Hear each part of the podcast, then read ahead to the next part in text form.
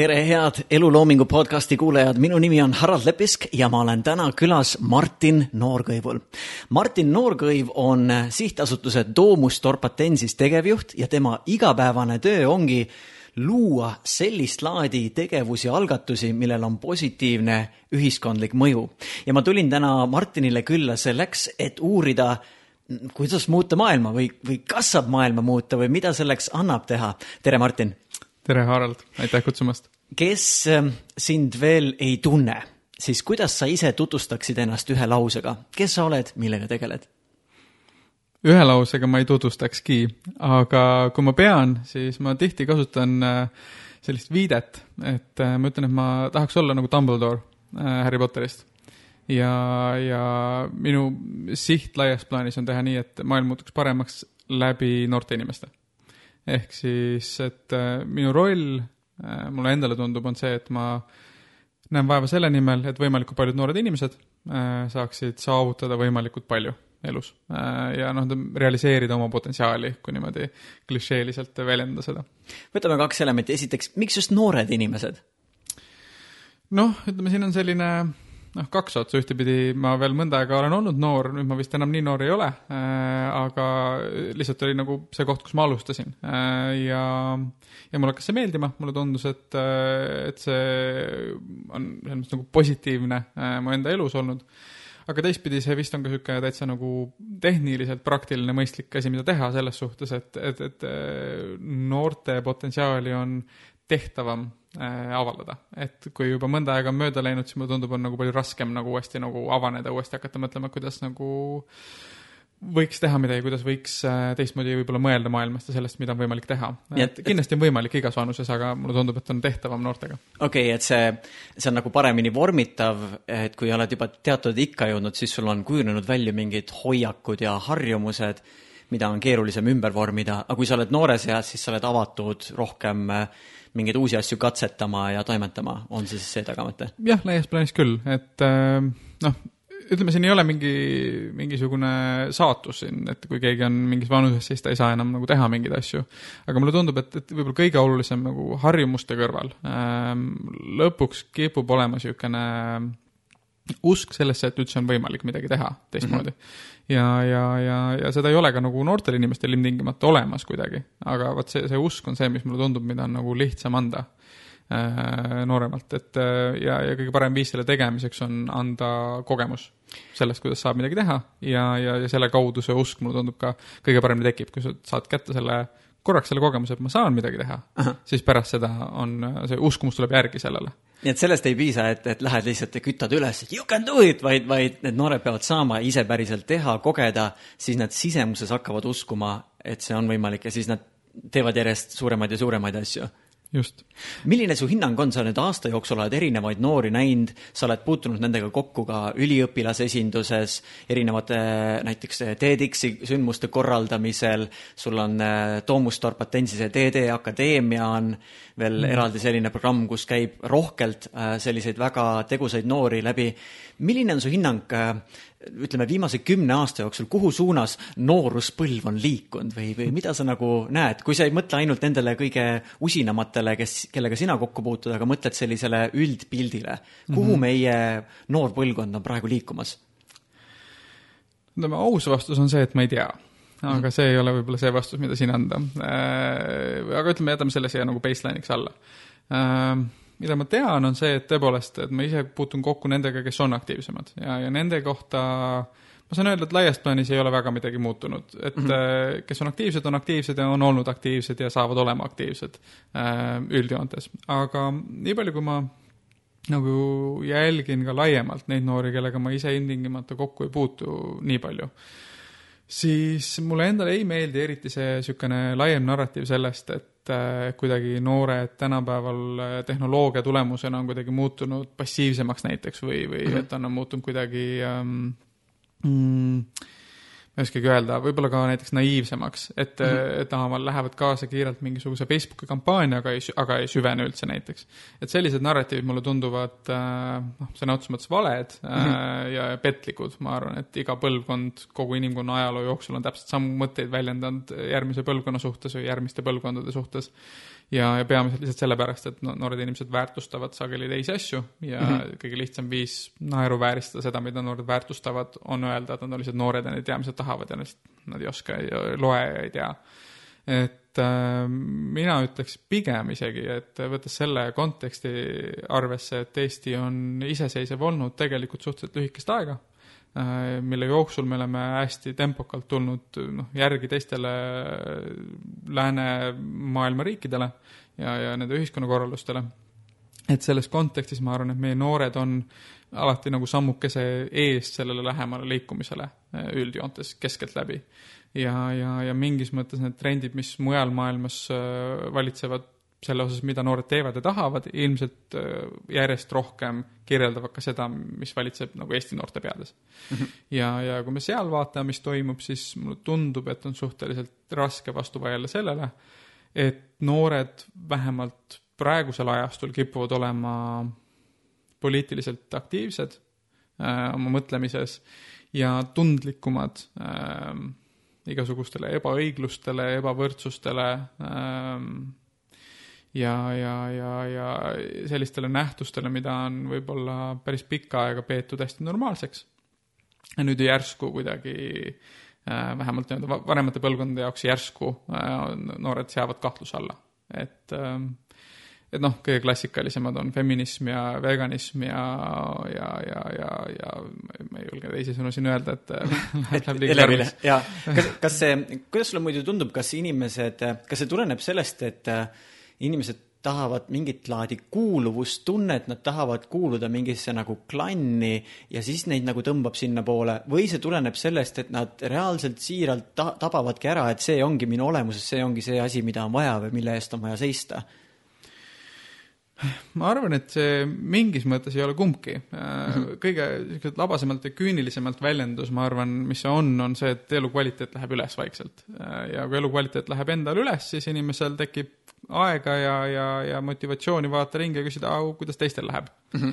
Ja, ja siis, kui sa teed seda ja küsid, kuidas teistel läheb, siis sa avastad selle nagu paratamatu reaalsuse, mis ümber on, mis on see, et hästi paljudel inimestel hästi paljudes kohtades läheb halvasti mm. -hmm. ja, ja, ja, ja on hästi palju probleeme.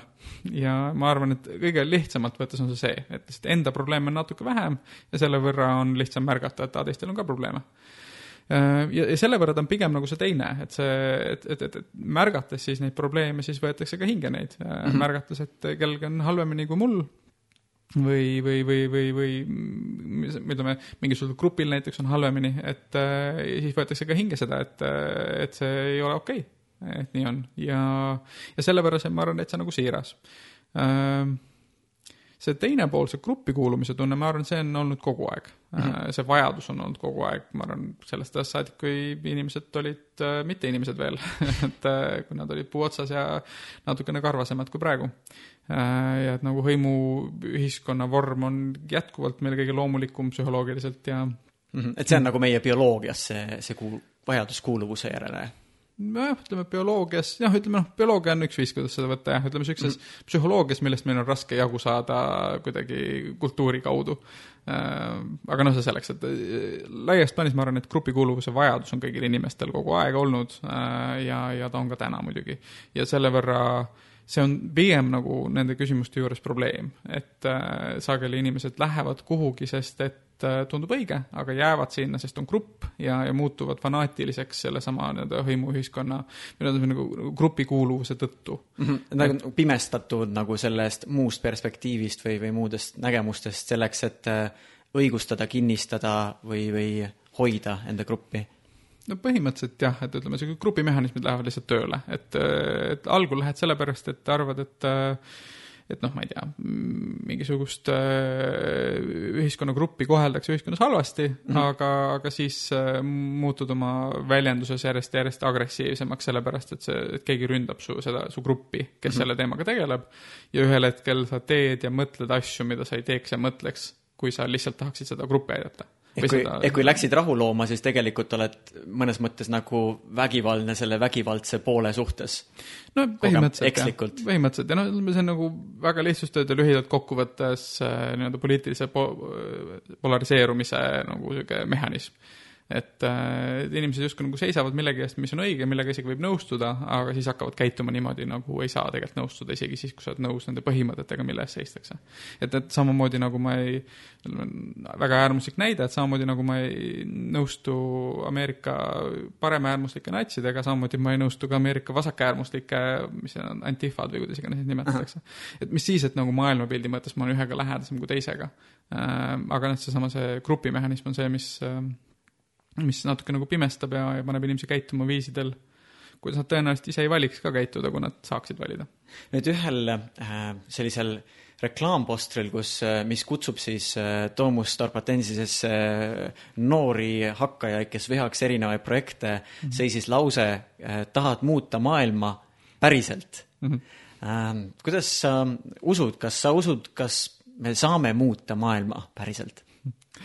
Ütleme nii, ma igaks juhuks ütlen siia algusesse, et ma olen optimist mm. -hmm. sest et see, mis ma kohe ütlen, ei kõla nagu ma oleks. mis ma ütlen, see, et muidugi saab muuta maailma, ma olen sada protsenti kindel selles, et saab maailma muuta äh,. häda on selles, et enamasti saab nagu halvemaks muuta äh,. ja kõige halvemaks muudavad need, kes kõige rohkem, sageli kõige halvemaks muudavad need, kes kõige rohkem üritavad paremaks muuta.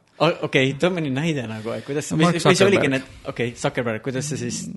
no Zuckerberg laias plaanis on äh, Facebooki kaudu kukutanud kokku peaaegu maailmas juba kümneid demokraatiaid, laias plaanis hävitanud ajakirjanduse ärimudeleid, kogu lääne meedia on katki, mitte ainult muidugi Facebooki pärast, aga, aga hästi suures osas selle pärast mm. -hmm võimendanud tohututes kordades igasugust poliitilist polariseerumist, mida me hetk tagasi rääkisime. Ähm, ja, ja, ja, ja kõige sellega toonud kaasa maailma majanduses muutusi, valitsemises muutusi, poliitikas muutusi, viinud noh, kui nii, nii kaugele võib minna, kui me võime tõmmata selle seose, et näiteks tänu Facebookile oli võimalik äh, teatud jõududel äh, teatud meie naaberriigis äh, saada presidendiks Donald Trump siis me võime öelda, et, et, et Mark Zuckerbergi püüdlused teha head maailmas, ühendada inimesi, on viinud välja selleni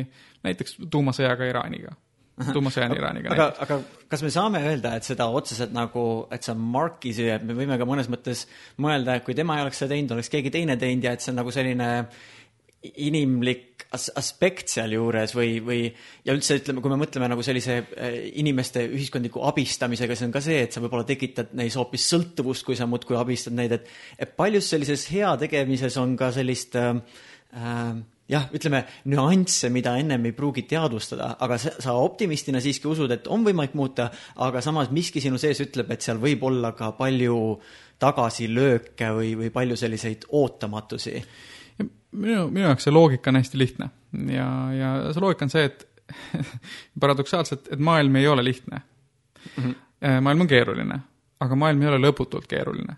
Äh, ja enamus asju, mida maailmas tehakse, selleks, et teha midagi paremaks, nende viga on selles, et on püütud lahendada hästi lihtsalt ja nagu ainus asi, mida oleks pidanud tegema, oleks pidanud enne natukene pikemalt ja natuke keerulisemalt mõtlema, natuke rohkem küsimusi küsima selle kohta, mida see asi, mida me teeme, mõjutab või hakkab mõjutama. aga kas me suudame näha neid asju ette? kas, kas Mark oleks suutnud näha neid asju ette, mis sotsiaalmeedia või Facebook konkreetselt inimestes tekitas, seal on ju nii, nii, sa viskad selle nagu mingi algasja kuskile sinna rahva sekka mm -hmm. ja see, mida rahvas sellega teeb, on võib-olla hoopis teistsugune see, mida sa enda vaimusilmas kujutasid. kindlasti ei oleks ta saanud seda ette näha, see on väga keeruline ähm, mis ma siin ütlen nüüd, on selle võrra ilmselt nagu ebapopulaarne mõte, aga ma arvan, et mida Zuckerberg oleks pidanud tegema, on vähem. selles mõttes, et ta oleks pidanud Facebooki halvemini tegema okei okay.. Ähm, saades aru ja ta sai aru küll, selles mõttes ma olen Zuckerbergi mõttearengut jälginud siit kõrvalt, noh, ütleme selles mõttes lihtsalt lugedes meediast selle kohta, mida ta ütleb ja tema Facebooki lehel jälginud juba mõnda aega. et, et ta on järjest samm-sammult saanud aru kogu aeg, mida Facebook on teinud halvemaks ja ta on mm -hmm. kogu aeg püüdnud nagu parandada. Äh, aga samal ajal on ka kasvatanud Facebooki edasi kogu aeg mm. -hmm. ja, ja tal ei saa seda justkui nagu ette heita, sest noh, see on normaalsus, inimesed peavadki äri, äris on ju see, oluline see komponent, sa peadki ju kasvatama Pead seda. ja siin ongi see koht, kus tuleb mängu vastutus. et äh, ja vastutus kelle ees? Zuckerberg vastutas oma aktsionäride ees, ja mitte ühiskonna ees laiemalt mm. -hmm. ja, ja Zuckerberg on samm-sammult järjest järgi tulnud selle ühiskondliku vastusega. ta on järjest saanud aru, et aa ah,, okei okay,, tegelikult me vist mõjume ajakirjandusele halvasti, võib-olla me peaks tegema midagi, üritanud välja mõelda mingit uut mudelit mm. -hmm. aga sel hetkel, kui ta sellest aru sai, oleks pidanud saama aru, et ajakirjanduse püsimine on olulisem kui Facebooki edu mm. -hmm. et oleks selline uuriv ajakirjandus ja, ja päriselt mindaks süvitsi, et ei läheks ajakirjandus sellise clickbait'i peale et no näiteks, et jah. oleksid, ütleme, sest praegu ma saan aru, siis ei ole nagu äh, lihtsalt selles ajakirjanduses piisavalt palju vahendeid, et äh, reaalselt suuta tasustada neid inimesi, kes päriselt uurivat ajakirjandust teevad. ja no, see, see tingib jah. siis sellist nagu pealiskaudset äh, äh, meediasisu, mis no on hulk mehhanisme Facebookis, mis tingivad seda, et, äh, et ajakirjanduse ärimudel läheb katki ja noh, kõige otsesemalt on see reklaamimüük. et lihtsalt äh, vara, vana nii-öelda tänane ärimudel jätkuvalt ajakirjanduses on see, et äh, sa teed uudiseid äh, ja, ja sa uudise kõrvale paned reklaami ja selle raha eest teed uudiseid. Äh, nüüd, kus Google ja Facebook kahe peale võtavad kokku, ma ei tea, kui suure osa kogu maailma reklaamrahast, siis ajakir-, ajakirjandusele jääb lihtsalt vähem kätte. et see on mhm. puhas lihtsalt konkurents ühtepidi, aga teistpidi on see muidugi ka kogu Facebooki algoritm ja mitte ainult Facebooki, kogu sotsiaalmeedia muidugi, aga Facebook kõige suuremana. aga nüüd, kui me võtsime Facebooki konkreetseks näiteks, aga mm -hmm. kas see, kas see aspekt kehtib paratamatult, kui sa ikkagi midagi suurt ja maailma muutvat teed mm, -hmm. siis äh, see oht on seal, ühesõnaga, et nende negatiivsete sündmuste äh, maht ja tõenäosus kasvab ka sellega, et mida suuremalt sa seda positiivset asja teed mm. -hmm. et kui Mark oleks teinud lihtsalt oma klemmidele sellise värgi, sellest ei oleks midagi tulnud ja sellest mm -hmm. ei oleks mitte, midagi kurr, kurja ka muutunud.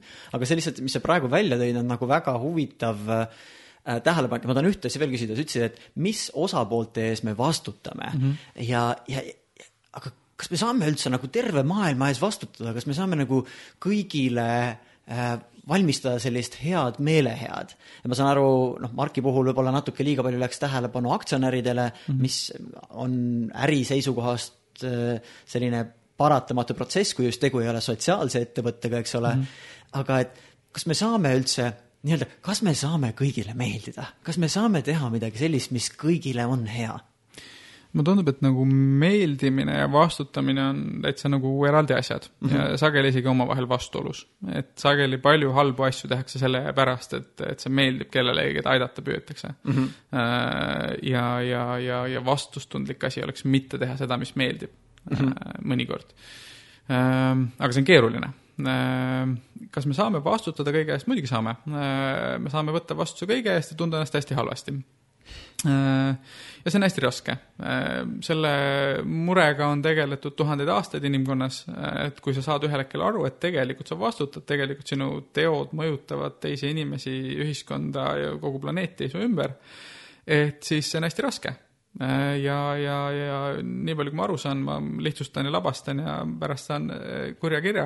Äh, budism vist tekkis sellepärast, et, et, et rahustada inimest või leida viis, kuidas selle kannatusega hakkama saada, kui sa saad aru, et sa kahjustad kõike mm. -hmm. aga ma arvan, et, et enamasti inimesed ei pea nagu kogu aeg mõtlema selle peale, et kõik on halvasti ja nad vastutavad kõige eest isegi kui nad saavad aru, et nad vastutavad kõige eest ja ma arvan, et on oluline saada aru, et nii on ja siis muutuda konstruktiivseks. siis mõelda, okei okay,, ma ei saa kõike lahendada. ma pean paratamatult tunnistama, et on mingid asjad, mis jäävad halvaks sõltumata sellest, mida ma teen. Pole midagi teha, ma olen natuke kurb selle pärast, aga ma ei pea selle peale iga päev mõtlema, ma, see, see paralüseerib või noh, see ei lase tegutseda. ja siis võtta ette, okei okay,, mida ma saan teha. mis on see, mis on minu võimuses täna, homme on loodetavasti mu võimuses rohkem, kui ma teen ja kogen ja siis hakata tegema ja, ja tagasi tulles selle Zuckerbergi näite juurde ja, ja liikudes sealt samal ajal ka eemale, ma arvan, et see õige viis, kuidas asju teha, on aeglasemalt.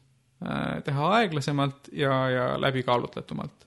et saada Sest... nagu tagasisidet osapooltelt et saada tagasisidet ja saada nagu reaktsiooni ka nagu maailma mõttes. et noh, näiteks äh, klassikalisemad aitamisnäited on see, et Aafrikas on sul küla, kus ei ole vett piisavalt ja inimesed, vesi on must ja peab hästi kaugelt tooma mm. -hmm. et siis mis teeme, teeme kaevu mm -hmm. ja väga hea mõte, ongi mõistlik teha kaev aga siis tehakse kaev valmis, minnakse järgmisse külasse ja tehakse, tehakse hästi suur projekt, kus tehakse, ma ei tea, tuhandesse külasse pannakse kaev mm. -hmm. ja siis kaks aastat hiljem minnakse tagasi ja avastatakse, et inimesed toovad ikkagi musta vett kusagilt kaugelt, sest see pump läks katki, äh, kaevupump, ja nad ei oska parandada mm. -hmm. ja kõik siin see vastus ei ole, et ei peakski aitama Aafrikas mm. -hmm. vastus on see, et selle peale oleks pidanud tulema ja see ei ole liiga keeruline küsimus, on paar asja, mille peale sa pead tulema, kui sa lähed kaevu ehitama. sa pead et tulema selle peale, et seda peab remontima, sa pead tulema selle peale, et seda peab kasutama, sa pead tulema selle peale, et, et seal peab mingeid osasid välja vahetama Äh, ja selle peale, mis on laiem mingisugune poliitiline olukord, mis juhtuda võib seal veel, kas keegi võib tahta ära varastada mingeid juppe sealt, kui, siis kas äkki saame välja vahetada mingi jupi teha nii, et seda ei tahetaks varastada näiteks.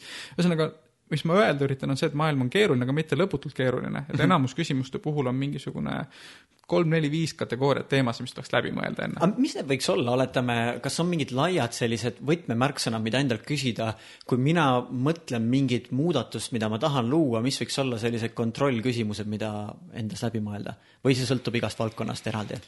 Noh, ühtepidi kindlasti sõltub igast valdkonnast, aga teistpidi ilmselt on nagu mõned universaalsemad asjad ja need asjad, mis puudutavad inimesi, enamus niisuguseid äh, ühiskondlikke algatusi ja, ja püüdlusi, millega ma ise kokku puutun oma töös äh,, kipuvad puudutama inimesi. Ja, ja seal on üks niisugune lihtne mõttemudel, mida maksab mm, kuidagi kasutusele võtta ja see on see, et et enamasti, kui inimesed käituvad kuidagi, siis mitte sellepärast, et nad mõtlevad, et nii on õige et enamasti tuleb sellest, et neil on mingisugused äh, elukorralduslikud harjumused. Äh, et inimesed ei sõida mitte autoga sellepärast, et nad ei tea, et keskkond on kuidagi nagu õrn ja, ja see kahjustab keskkonda mm, -hmm. vaid et neil on äh, elukorraldus, mis ei, mis on, mille puhul on väga raske teistmoodi elada ja väga mugav niipidi elada.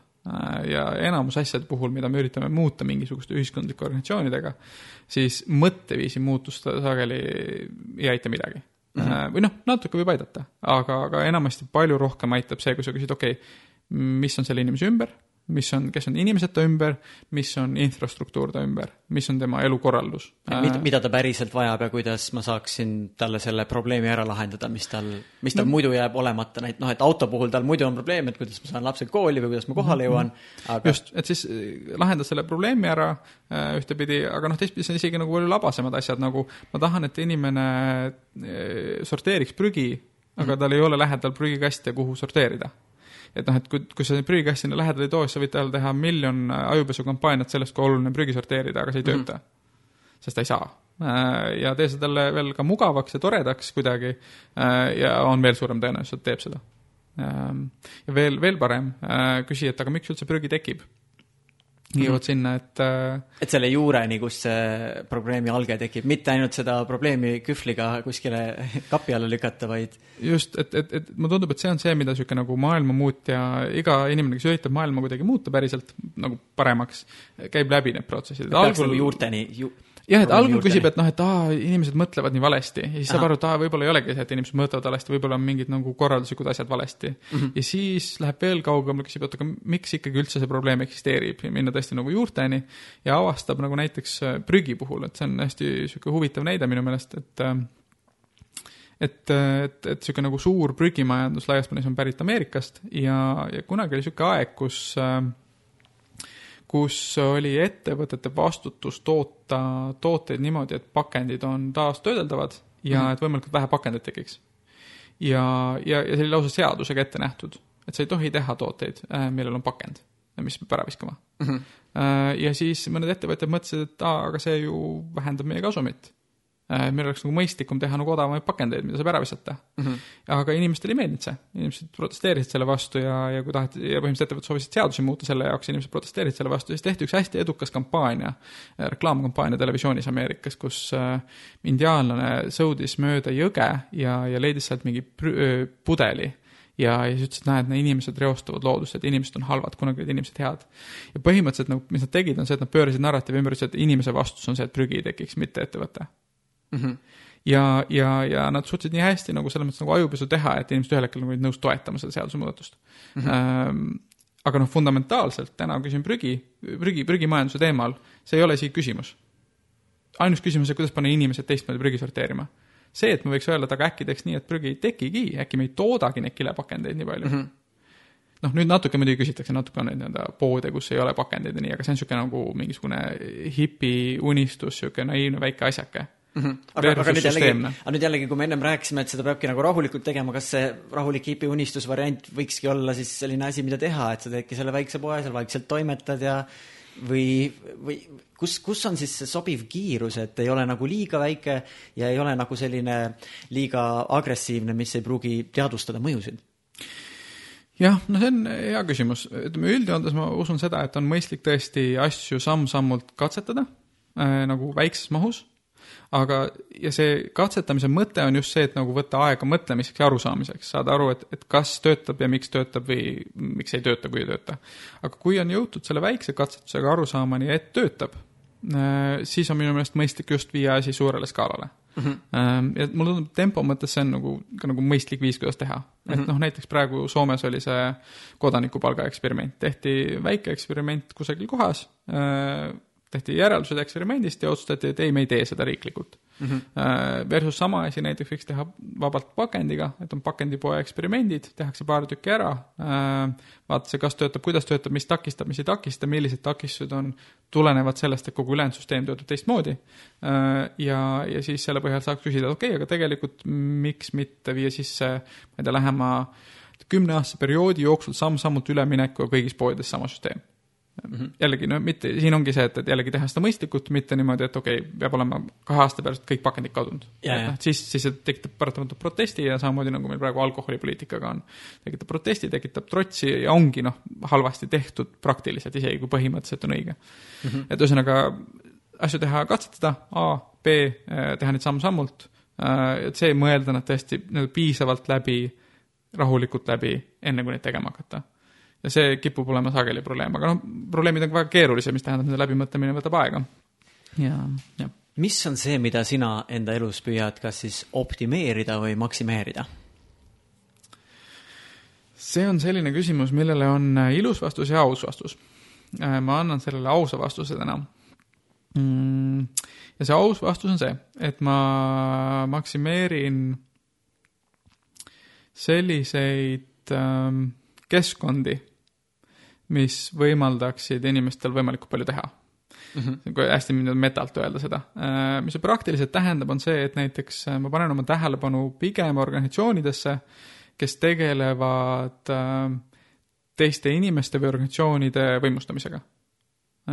Näiteks üliõpilaskonna sihtasutus, mis tegeleb ole rohkem asjadega, tegeleb sellega, et Tartu tudengiorganisatsioonid oleksid paremini juhitud ja rohkemad tudengid saaksid aktiivselt kaasa lüüa neis et äh, ma panen oma tähelepanu ja aega ja tööd või püüan panna vähemalt sellistesse tegevustesse, mis on nii-öelda nagu, nagu võimendatud või mm -hmm. mis, mis, mis omakorda, et, et minu nagu panus X teeb nagu X korda kümme äh, mõju. ja kui sa muidu läheksid näiteks ja üks, ükshaaval muudkui püüaks kõiki coach ida, siis su aeg mm -hmm. oleks natuke piiratum, aga kui sa lood mingi mehhanismi, mis äh, kasvab edasi ja töötab ka siis, kui sina sealt lahkunud oled mm, -hmm. siis selle, selle eluiga ja selle mõju on, on pikem.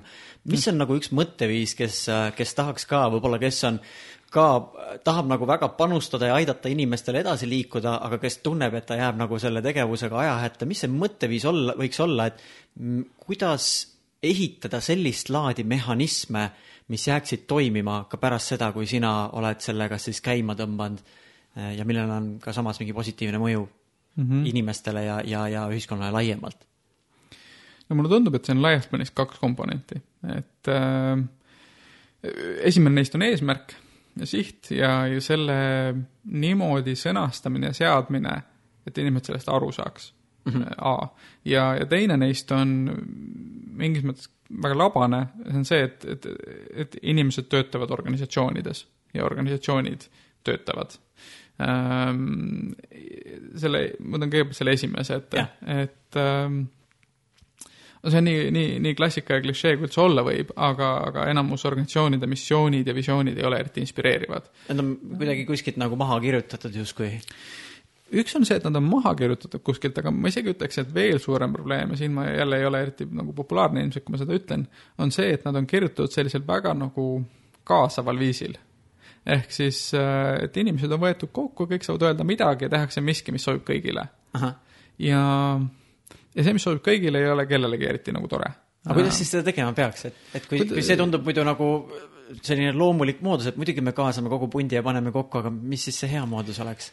noh, see on nüüd kõige ebapopulaarsem asi, mis ma ütlen, ma arvan, et organisatsioonide visioon ja missioon peaks olema asutaja poolt öeldud mm. -hmm. ma arvan, et äh, inimesed, kes loovad asju, peaksid ütlema, mida nad tahavad teha, mis on nende siht. ütlevad, ma tahaksin, et Eestis ei oleks nii palju vaesust mm. -hmm. ja, ja selle jaoks ma tahan teha organisatsiooni, äh, mis äh, tegeleb perekonda sees edasi ka, ka kanduva vaesusega vanematele lastele Äh, ja, ja, ja lõikab sealt läbi need, äh, need nii-öelda edasikanduvad mehhanismid mm. -hmm. see on see, mis ma tahan teha, punkt. kõik need, kes tahavad seda asja teha, tulge mu organisatsiooni.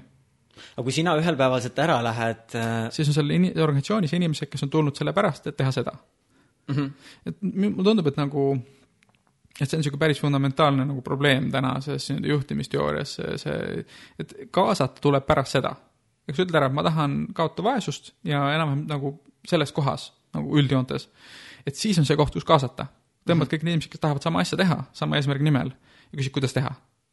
Äh, siis... ja siis mõeldakse koos välja strateegia, mõeldakse, mida täna on vaja teha, mis olukord täna, mis ressursid on kättesaadavad, kogu nii-öelda selles mõttes sihuke tavapärane strateegiline planeerimine muidugi peab olema tehtud kaasavalt organisatsioonis, aga, aga see esimene asi, et mis on siht, mis on põhimõtteliselt asi, mida me tahame organisatsiooniga ära teha, et noh, ettevõttesse on ette antud mm -hmm. seaduste poolt, et sa pead teenima tulu vaid see nagu äritulu raha on juba ette, ette antud põhimõtteliselt suurema nagu eesmärgina, sõltumata mm -hmm. sellest, mida keegi tahab. aga kolmanda ja avaliku sektori organisatsioonide jaoks ei ole. või noh, okei okay,, avaliku sektori jaoks natuke ka on, aga kolmandas eelkõige ei ole. et ja kõik, mis on nagu ühiskondlikud algatused, et nendes asutajad kui asutajad ei ütle, mida nad tahavad teha, siis organisatsioon ei lenda niikuinii.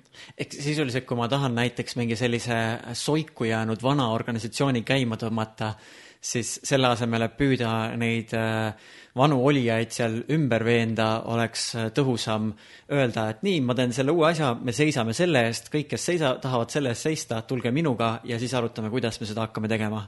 et mitte püüda neid kõiki ümber konverteerida või, või kuidas see võiks siis toimida?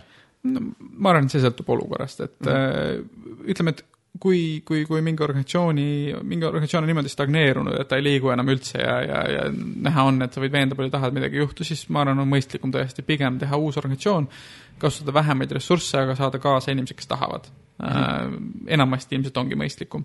aga tihti on ka niimoodi, et inimesed organisatsioonides on tegelikult täitsa valmis kuulama äh, ja täitsa valmis võtma, et aga äkki ongi vaja uut suunda Äh, äkki lähmegi, lähmegi sõnastame uue nagu sihi endale ja, ja liigumegi selles suunas, mõned võib-olla ei tule kaasa, aga võib-olla ongi okei okay,, saavad minna mingi asja juurde, mis neid kõnetab ja motiveerib. ja teised, keda see motiveerib, mis sa välja pakud, need tulevad kaasa suurema entusiasmiga kui enne.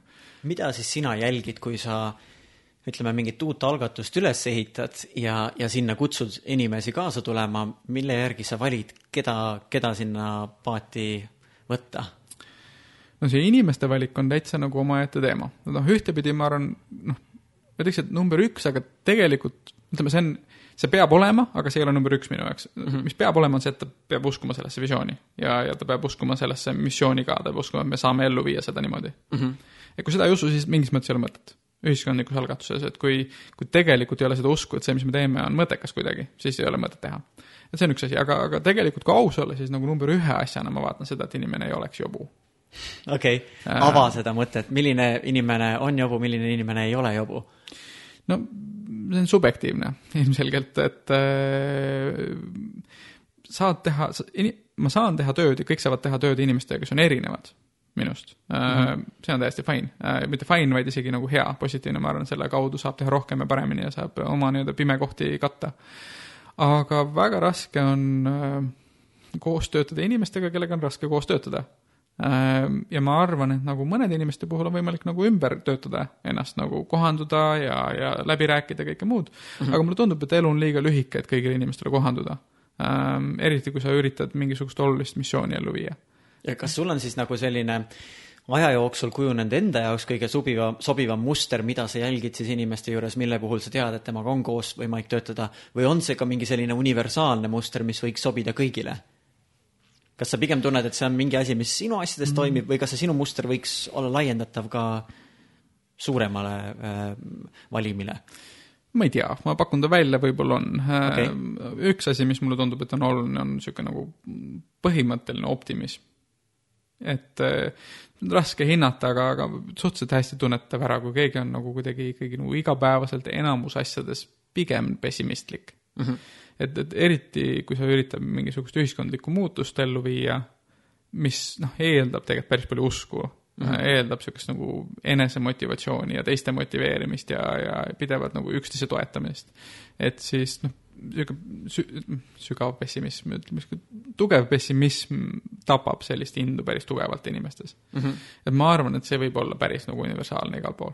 et see pessimism võiks olla doseeritud kindlal hetkel, kus on vaja eh, kriitilist, eh, kriitilisi punkte plaanis läbi mõelda, aga kui ta igapäevaselt sul seal koosolekuruumis eh, pidurit peal hoiab, siis ta äh, siis ta nagu mm. hoiab, hoiab asja tagasi ja tekitab võib-olla asjatuid äh, väitlusi ja debatte. jah, et, et ma olen väga suur kriitika ja kriitiliste arutelu toetaja. ma see on see koht, kus ma ütlen jällegi, et organisatsioonides üks kõige olulisemaid asju on võtta aeglaselt, kui me käivitame uut projekti või tahame panna mingit uut suunda käima mõnes organisatsioonis, kus ma olen, siis minu siht alati on see, et võimalikult põhjalikult, võimalikult detailselt, võimalikult kriitiliselt asjad läbi arutada enne mm. -hmm. ja võib-olla võtta rohkem aega kui vaja, äh, pigem võtta rohkem aega kui vaja kui vähem. aga kuidas sa tunned, kas nooremale, nooremale põlvkonnale on neil nagu selline, vaata, kui me elame sellise kasutame sellist meediat, mis võimaldab meil kiiresti saada, mida me tahame mm. -hmm. me tahame kiiresti midagi vaadata, me mitte ei oota a la teleka puhul, me ei oota, millal see kavast tuleb, vaid me kõmm vaatame seda kuskilt striimime nii, nagu vaja on mm. -hmm. mis tekitab meile nagu äh, Äh, harjumus, et me saame asju kiiremini.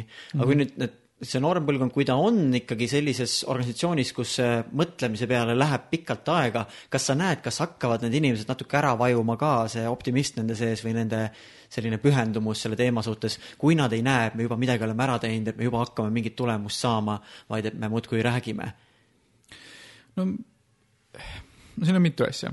ühtepidi mulle tundub, et siis ei juhtu seda äravajumist, kui on ette näidata tulemusi mm. -hmm. et eh, noh, oma organisatsioonides, et kui on juba mingid asjad töötavad hästi, nad on põhjalikult välja töötatud niimoodi, nagu parasjagu töötab mingit uut asja välja, siis inimesed on valmis ka neid uusi asju põhjalikult veel läbi töötama mm. -hmm. et neil on usk, et põhimõtteliselt need asjad siin toimivad, et siin saab teha asju ja, ja kui see usk põhimõtteliselt on olemas, siis mulle tundub isiklikult vähemalt, et pigem on olukord vastupidine et, et see on väga värskendav, mulle tundub, inimestel näha mingisugust organisatsiooni, kus päriselt küsitakse päris küsimusi mm, -hmm. kus päriselt arutatakse nende üle, kus päriselt võibki olla nii, et äh, tuleme koosolekule, hakkame arutama mingisugust projekti või programmi, mida me oleme teinud, ma ei tea, kümme aastat, ja uus inimene küsib, et kuulge, aga äkki see on täiesti mõttetu ja võib juhtuda, et minnakse koosolekult ära tõdemusega, et ongi täiesti mõttetu, paneme kinni mm. -hmm. et ähm, ja see on võimalik, mulle tundub, just siis, kui päriselt ollakse valmis arutama ja võtma aega nende arutelude jaoks ja, ja sisuliselt läbi arutama. mis omakorda loob platvormi järgmine kord palju lühemalt ja nagu palju väik-, väiksema ajaga jõuda sisuliste järeldusteni, sest kogu aeg on räägitud sisuliselt, kunagi mm. ei ole kiirustatud. noh see ei ole muidugi tõsi, me kõigis organisatsioonides, kus ma olen, aeg-ajalt ikka tuleb kiirustada ka, aga siht, mulle tundub, on mul olnud see, et võtta nagu aeglaselt ja rahulikult ja läbi mõelda ja mulle tundub, et tegelikult see inspireerib inimesi rohkem. sest et mhm. lõpuks, mis juhtub kogu selles nagu kiires virvarrmaailmas, on see, et kaob usk ära, et üldse miski töötab mm. -hmm. sest enamus neist kiiretest asjadest enamasti ei tööta lihtsalt okay.. Äh, aga need aeglased asjad, siis mõtle, äkki täpselt, äkki selles ongi viga. et liiga kiiresti on kogu aeg tehtud, liiga, liiga kiiresti on hakatud tegema liiga lihtsate mudelitega äh,, liiga suure entusiasmiga peale lennatud ja saadud põletatud ja, ja siis olnud kurb selle pärast. mingi pettumus tekib siis nagu. jah, ja siin vastupidi, võtame aeglasemalt, mõtleme läbi rohkem ja siis saavutame tulemusi, mis ongi loogilised, kus ilmselt ongi, näed, saimegi töötabki. kuidas sa, mis sa siis teed näiteks, kui ikkagi läheb mingi asi lörri, kuidas, mis on sinu jaoks nagu põhimõtted, mida teha, et tiim sellest õpiks, mitte ei pettuks? sest kui meil läheb miski lörri, me pettume, me ütleme, et ah, seda me juba oleme proovinud, aga kuidas me saame õppida, et saada aru, mis päriselt läks või mida, mida päriselt on muuta vaja? no see on raske muidugi ähm,. mõnel juhul on see mul välja tulnud niimoodi, et äh, et täitsa kohe algusest peale me oleme võtnud selle suhtumise lihtsalt. et me teame, näiteks sama Teede Akadeemiaga programm, mida me teeme noortele praegu, et selle meeskond ja inimesed kõik panustavad selle tegemisse, nad teavad, et iga aasta, kui me teeme seda, et see on muuseas ka eksperiment mm. -hmm. see on eksperiment selle kohta, kuidas seda programmi paremini teha. iga aasta me muudame mingeid asju, täiendame mingeid asju, teades, et võib-olla nad ei tööta tulemusena, kui me läheme, loeme oma tagasisidet, mida me väga põhjalikult kogume ja, ja kritiseerime ise oma programmi, siis väga tihti inimesed võtavad ette mingi jupi, mis nad ise on ette valmistanud pool aastat, aasta otsa ja ütlevad, see vist ei tööta, võtan välja mm. -hmm. sest noh, algusest peale on raamistatud, nii et see on see, mis me teeme. juhul, kui seda niimoodi raamistada, siis on võimalik, aga juhul, kui selle nagu tagantjärgi hakata seda niimoodi raamistama, et sa mõtlesime, et läheb hästi, mõtlesime, et kõik on õige, tegime, tuli välja, et ei ole. Äh, et siis mulle tundub, on juba nagu põhimõtteliselt iseendale nii-öelda kaigas kodaratesse visatud mm. -hmm. nii et sa ütled, see põhjalik läbimõtlemine aitab sul ennetada neid probleeme ja kui need probleemid päriselt tekivad, siis sa suudad küpsemalt neid vastu võtta, mitte nagu äh, pettuda või üllatuda, vaid, vaid sa vaatad, ahah, näed, oli oht, et see ei pruugi toimida, nad ei toimigi nojah, et, et selles mõttes ega see mingisugune nagu kuldvõti ei ole, et kõiki probleeme see ei lahenda, aga mm., aga mulle tundub, et natukene aeglasemalt võtmine, natuke rohkem läbimõtlemine, natuke rohkem selleks valmis olemine, et igasugune ühiskondlik tegevus on mingis mõttes eksperiment, mida tuleb taas hinnata ja muuta äh, ma arvan, hoiab nagu vaimset tervist natukene mm -hmm. ühtepidi ja teistpidi võimaldab ka päriselt mõjusamalt tegutseda hiljem. ma tahan korraks põigata sinu enda loosse, kuidas sina sellesse äh, Äh, kogu äh, maailma sattusid, kus sa oled äh, nende erinevate organisatsioonide käivitamise, ülesehitamisega tegelenud, kus sinus üldse avaldus selline otsus või pisik, et see on see asi, mida ma tahan teha, mis olid need võtmemuutvad tegurid sinu mhm. nooruspõlves mm? -hmm. ütleme nii, et suurema osa oma elust olen ma olnud niisugune kodunohik Äh, kodunohik, mis see tähendab? istunud kodus ja olnud nohik. Äh, mitte suhelnud, mitte teinud asju mm, -hmm. mitte olnud kuidagi aktiivne. kas sulle loomuomane ongi pigem ise nokitseda olla või, või? See on nüüd veel nagu veel pikem nagu taustalugu okay., mis lühidalt kokkuvõttes on, et ei, mu loomune, loomulik äh, olemus on väga sihuke, ma ei tea, kuidas eesti keeles öelda, outgoing mm. -hmm. aga umbes mingi kuus-seitse aastat kiusamist koolis surus selle pisut maha mm. -hmm. ma hiljem nagu kuidagi olen taastunud sellest ja siis kuidagi kombineerinud need kaks poolt endas mm. -hmm. aga ühesõnaga, mu loomupärane pigem on nagu väljapoole suunatud, aga ütleme, see on tasakaal tekkinud elu tulemusena, aga mm -hmm. Äh, mis juhtus, oli see, et ma tulin äh, Tartu Ülikooli ja, ja olin täitsa niisugune passivist, kui nüüd aktivisti kavast anda mm. -hmm. ja, ja mingil täiesti X põhjusel läksin ISEC-i, mis on tudengiorganisatsioon, infoõhtule mm -hmm. ja, ja, ja kuulasin nende jutu ära ja arvasin, et see on üüratult naiivne ja rumal ja mina küll sellise organisatsiooniga ei liitu. aga no kuidagi juhtus niimoodi, et nad ütlesid mulle, et kuule, et kui sa tuleksid meile nagu organisatsiooni, siis me paneks ühte tiimi ja seal tiimis äh, oli peale minu viis tüdrukut äh,. ja nohik, nagu ma olin, siis ma ei olnud kunagi ühegi tüdrukuga varem rääkinud laias plaanis ja, ja see mulle meeldis äh,. ja ma täitsa ausalt läksin sinna sellepärast, et mõtlesin, aa, tore saab elus esimest korda võib-olla teisest soost inimestega suhelda mm. -hmm. ja, ja noh, võib-olla isegi nagu ma ei tea mingi läheb, veab äkki? veab, mängime koos lauamänge näiteks äh,. Anyway äh,, ja ma sellepärast läksin tegelikult äh,, mulle organisatsioon ei meeldinud algul äh,. aga, aga, aga juba nagu organisatsiooni minnes äh, ja seal olles ja midagi tehes, siis ma järsku kuidagi nagu avastasin ennast tegemas asju Äh, ja avastasin ennast tundmas asju ja mõtlemas asju, mida ma ei olnud kunagi varem tundnud ja mõelnud. ja, ja kõige lihtsam näide selle kohta oli see, et ISEG-is on niisugune traditsioon, et sügisel värsked liikmed korraldavad ühe pannkogipeo mm. -hmm ja tahtes siis muljet avaldada nendele tüdrukutele, siis ma olin nõus minema vabatahtlikult sinna tiimi, kes seda pannkogipidu korraldab, mõeldes, et noh, mis ära ei ole, et mingisugune pidu. ja, ja elus esimest korda äh, sel peol äh, või seda peo korral-, pidu, pidu korraldades äh, ma päriselt nagu vastutasin millegi eest ise ja see kõlab võib-olla nagu dramaatiliselt, kui niimoodi öelda, aga ma arvan, et see ongi dramaatiline. et see on dramaatiline, et ma olin suutnud elada nii kaua, vastutamata päriselt millegi eest ise oma elus. et kõik muud otsused, kõik asjad, ma teinud olin, olid kas nagu vanematega koos või, või, või teiste inimestega koos või kooli survel või, või mis iganes põhjustel. aga seal oli nii, et kui, kui mina läksin ja ostsin selle taigna ja viisin selle õigesse kohta kohale ja tegin mingisuguse postri ja panin üles, siis toimus ja kui ei teinud, siis ei toimunud mm. -hmm. ja see oli niisugune radikaalne nagu valgustus, äh, et näed, minu käsi saab muuta seda, mis maailmas toimub. noh, antud juhul küll, et kas saab pannkoogi süüa või mitte ühel peol, aga, aga, aga see, see, see vastutuse tunne selle ühe väikse asja eest tekitas järsku terve nagu uue maailma. siis kui ma küsisin, et mida ma veel saan teha, mis, mida ma saan veel muuta. ja sealt nagu see nakkus tuli mul, kus ma nagu kohe pärast seda enam-vähem kandideerisin ISEC-i juhiks äh, ja, ja õnneks ei saanud äh, miks aga, õnneks? sest et ma ei olnud valmis selleks, sest ma see ei oleks pool... olnud hea aeg veel? see ei oleks olnud mulle hea aeg ega organisatsioonile, aga, aga noh, igatahes, et äh, et, et, et, et see nagu esimene vastuse kogemus mul tuli alles siis, alles ülikooli vist esimesel aastal siis.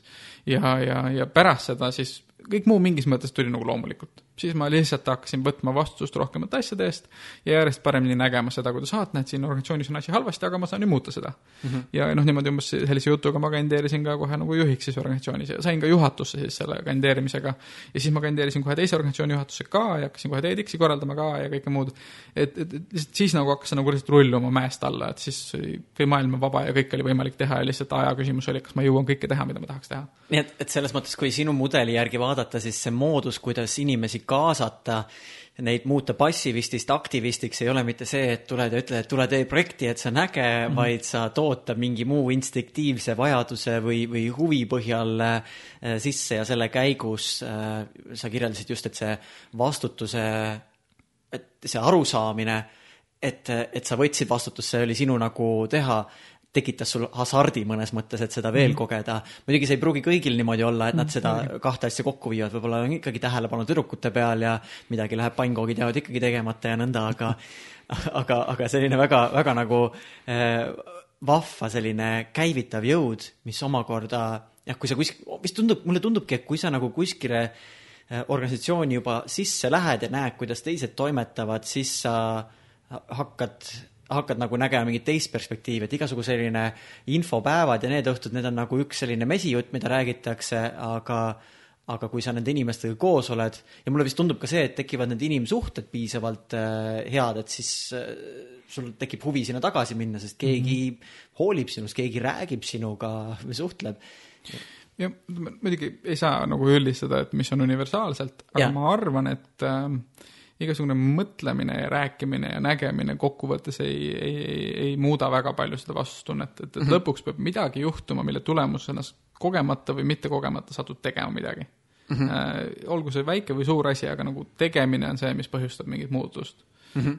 vähemalt mina usun seda. seega, seega saatekuulaja, kui sa praegu ainult kuulad, et selle, kahjuks me ei saa sulle lubada, et selle tagajärjel midagi muutuks, et sa pead midagi minema ja tegema ja, ja, ja kasvõi minema sinna, kus on noh, ühesõnaga, et miski, mis sind käivitab. jah, et mis iganes see on, et sellepärast ütleme, mingis mõttes võiks öelda, et, et meie Toomuse ja Teede Akadeemia see värbamissõnum on justkui nagu vastuolus sellega, mis ma ütlesin, et tahad muuta maailma päriselt yeah.. ja mulle tundub, et noh, natuke on, muidugi on, et kui, kui, kui kui sa tahad kohtuda tüdrukutega, siis see, me ei kutsu seda, on ju, või selle järgi.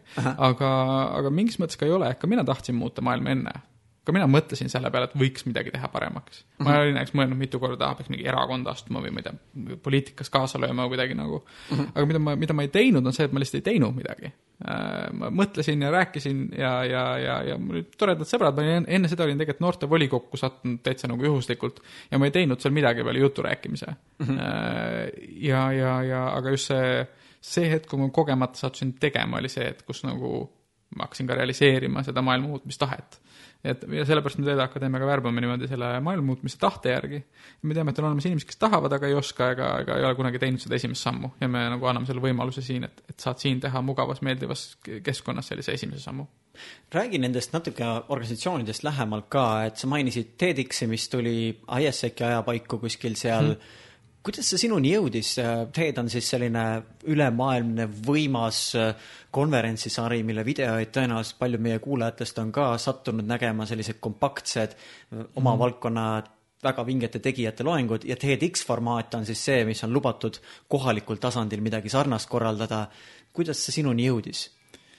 no tegelikult see oli päris lihtne, ma vaatasin neid videosid ja mulle meeldisid need ja, ja, ja põhimõtteliselt ma arvan, et mul natuke mälu on nagu segane selle aja kohta, sest see on juba mõnda aega läinud mööda. kas, kas tegelikult me üldse võime öelda, et meie mälestus sada protsenti tõene on, me vist konstrueerime selle nagunii? kindlasti mitte jah, et see narratiivi loomise pärast sinna juurde, aga noh, ühesõnaga ühe narratiivi ma olen konstrueerinud selle loo kohta ja seda ma saan ka jagada.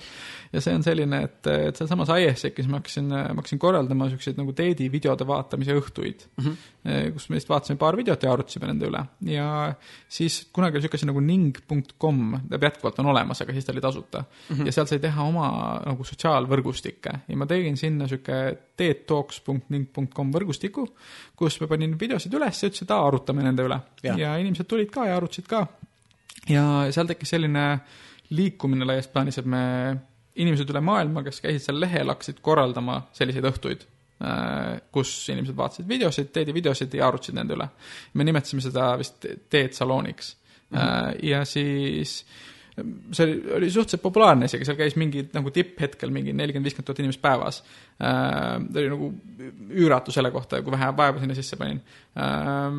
ja, ja siis ühel hetkel Teet kirjutas meile, Teet konverents, ütles, et kuulge, et joo, et väga tore, et te teete seda, aga pange kinni äh,, sest me teeme nüüd ise niisuguse formaadi ja, ja, ja teie ja teiste sarnaste asjade nagu ettepanekutel järgi me nagu selle TEDx formaadi kujundame ja siis te võite hakata korraldama neid TEDx-e äkki. Äh, palun. Ja.... mis sul esimene mulje oli, kui nad ütlesid, me paneme selle kinni?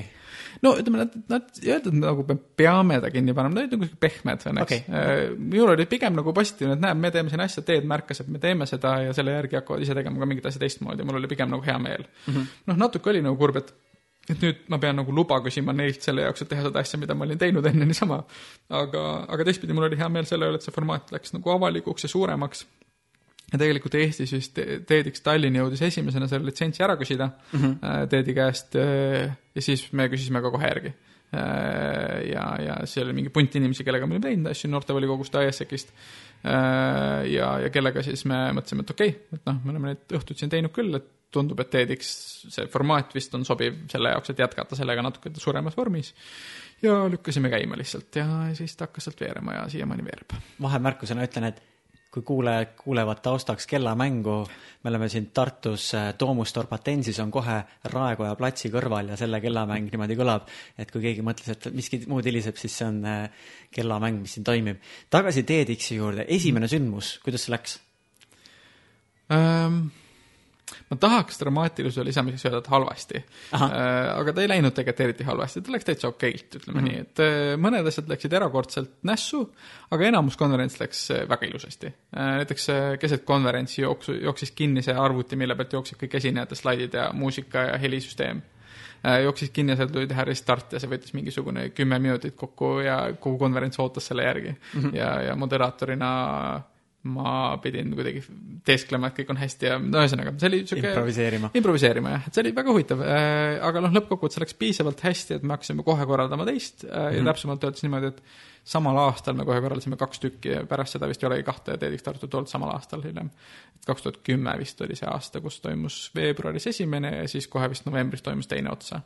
Äh, just sellepärast, et me vaatasime, et no põhimõtteliselt me suudame seda korraldada küll, äh, aga nüüd korraldame veel suuremalt, et esimene oli natuke väiksem ja teine suurem. kas selle TEDx-i korraldamine, TEDx Tartu korraldamine on avanud sinu jaoks mingeid uksi veel, lisaks sellele, et ta kohalikule Tartu kogukonnale on selline vägev sündmus olnud? tundub, et iga asi, mida ma olen teinud, mis kuidagi vähegi on ühiskondlik ja kuidagi inimesi puudutanud, on avanud hästi palju uksi igale poole mujale. kuidas see käib või kuidas see avaldub?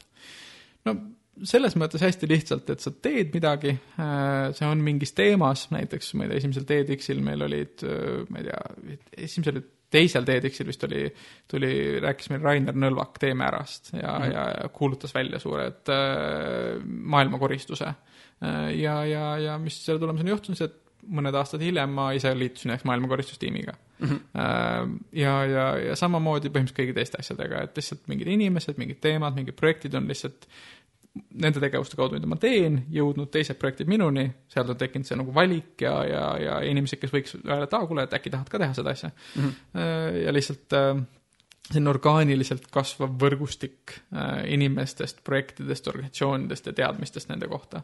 ehk on lihtsalt vaja hakata otsast mingeid asju tegema, see avab sulle järgmisi ja järgmisi võimalusi, sa ei pruugi näha seda kogu teekonda enda ees, kuhu see välja võiks jõuda või milleni tahad jõuda, aga tehes häid asju, suheldes äh, erinevate inimestega, äh, kerkivad siis enda jaoks ka mingid järgmised võimalused. jah, mulle tundub, et, et see on selles mõttes kõige lihtsam võti üldse millegi jaoks, et äh, ükskõik mis valdkonnas tahta tegutseda, siis enda akt-, aktiviseerimiseks on mõistlik hakata tegema midagi ja, ja, ja võrgustiku laiendamiseks on mõistlik hakata tegema midagi ja, ja ideede saamiseks on mõistlik hakata tegema midagi. isegi kui see esimene idee ei ole kõige parem, siis tänu sellele, et midagi teed, jõuad teise ideeni mis kannustas sind muidu üliõpilasesindusse minema ja seal ohjasid haarama? mis tekitas sus tunde, et on vaja sinna minna? Siin on ka aus vastus ja ilus vastus. aus vastus on see, et mul oli vaja iseendale tõestada pärast seda, kui ma olin mõnda aega olnud natuke nagu ühte asja teinud, et ma suudan teha ka teist asja ähm,. kuidagi oli vaja nagu, tahtsin endale näidata, et ma suudan ka võtta täitsa nagu täitsa uue organisatsiooni enda jaoks ja, ja., ja juhta seda ja teha asju hästi et see oli nagu üks niisugune motivaator. Ähm, selline ilus vastus, mis on ka tegelikult aus, aga niisugune natukene sekundaarsem tol hetkel, kui ma läksin, aga hiljem sai peamiseks oli see, et ähm, mm, siht algusest peale oli see, ma nägin, et tudengiorganisatsioonides on hästi-hästi suur potentsiaal peidus. Äh, et noh, võiksid olla selline justkui nagu kiht ülikoolide ümber Tartus, äh, mis äh, on, täiendab kõiki erialasid ja võimaldab võimalikult paljudel tudengitel omandada neid nii-öelda selliseid kogemusi, mis panevad, või noh, muudavad neid aktivistideks mm -hmm. heas mõttes ja oma valdkonnas. aga mitte ainult oma valdkonnas ka muidugi. et, et mul oli niisugune nagu tunnetus, et, et, et üliõpilase esinduse kaudu saaks panustada sellesse, et, et kogu see Tartu tudengkond nagu panna kihama ja panna aktiivsemalt tegutsema, panna ise organiseeruma läbi lõputu hulga tudengiorganisatsioonide ja, ja, ja noh, ütleme see siht natuke oli taustal siis, kui ma läksin, aga see samm-sammult kasvas seal, et seal oli nagu mõttekaaslasi, inimesi, kellele sama asi oli inspireeriv. ja, ja samm-sammult sellest ka nagu koos erinevate inimestega kasvas välja Ole rohkem, kasvas välja roh-, kasvas välja üliõpilaskonna sihtasutus, mis siis selle nimel nüüd täna, kui vähemalt kolm aastat on nüüd aktiivselt tegutsenud. ehk siis ta koondab erinevaid tudengiorganisatsioone ja, ja püüab aidata kaasa sellele, et need võimalikult elujõuliselt toimetaks teeks? Jah, see on võib-olla kõige ilusamalt ja lihtsamini selle asja kokkuvõte, mis ma kuulda olen, et jah, just seda teeb. Äh, ole rohkem äh, sellise nagu deviisi või hüüdlausena. Äh, ma kohe tahan sinna küsida nagu seda teist poolt juurde, et, et on üks selline tunne inimestel nagu, et ma ei ole piisavalt mm. -hmm. aga on laias laastus kahte tüüpi inimesed, ühed tunnevad, kui nad ei ole piisavad, nad siis võtavad midagi ette ja muudavad.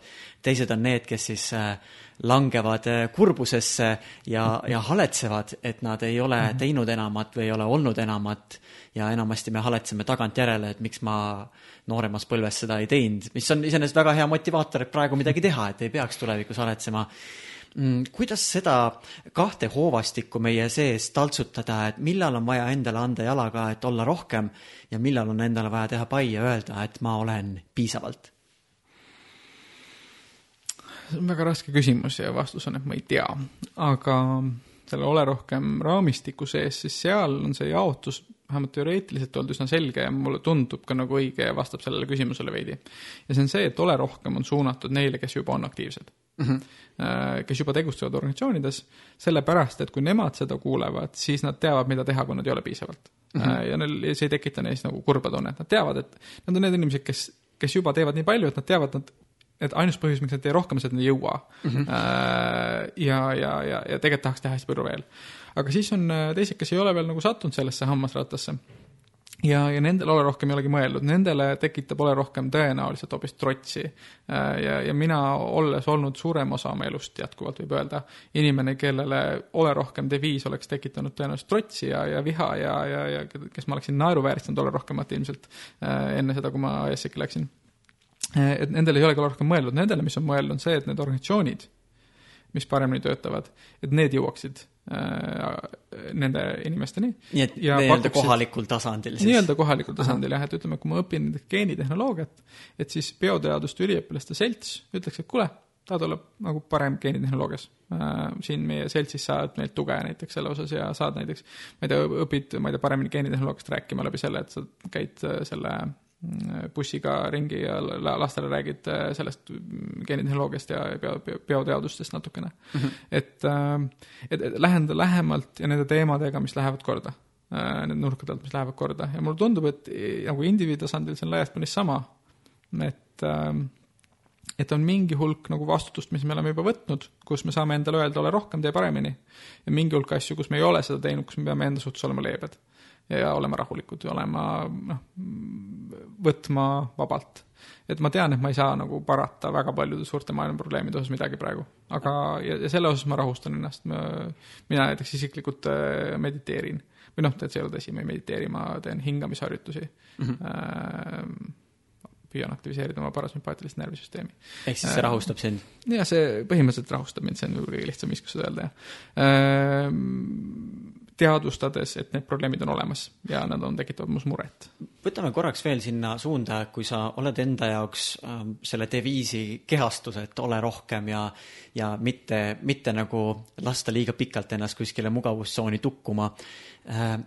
kuidas sina suudad ennast nendel päevadel, kus on päris intensiivne, nendel päevadel, kus asjad ei veere päris nii, nagu tahaks, sa kirjeldasid, et sul on siis teatud mõttes hingamisharjutused, mis aitavad sind äh, nii-öelda maa peale tuua, rahustada mis on veel sinu jaoks mõned instrumendid, mis võimaldab sul kuidagi saada nagu uuesti reele tagasi, endaga uuesti kontakti tagasi ja enda fookus uuesti paika? mul on siin nagu kaks vastust. et üks, mis mulle tundub, et on tegelikult nagu positiivne inimeste jaoks, mulle tundub, seda peaks väljendama rohkem erinevad inimesed, on see, et kui sul ei ole seda motti ja nagu energiat, siis mõnikord on okei okay, nagu lasta minna mm. -hmm mõnikord on okei okay,, näiteks mina, mul on Xbox, mängin Xboxi peal, mõnikord ma lihtsalt ei tee midagi, scroll in Facebooki pool päeva.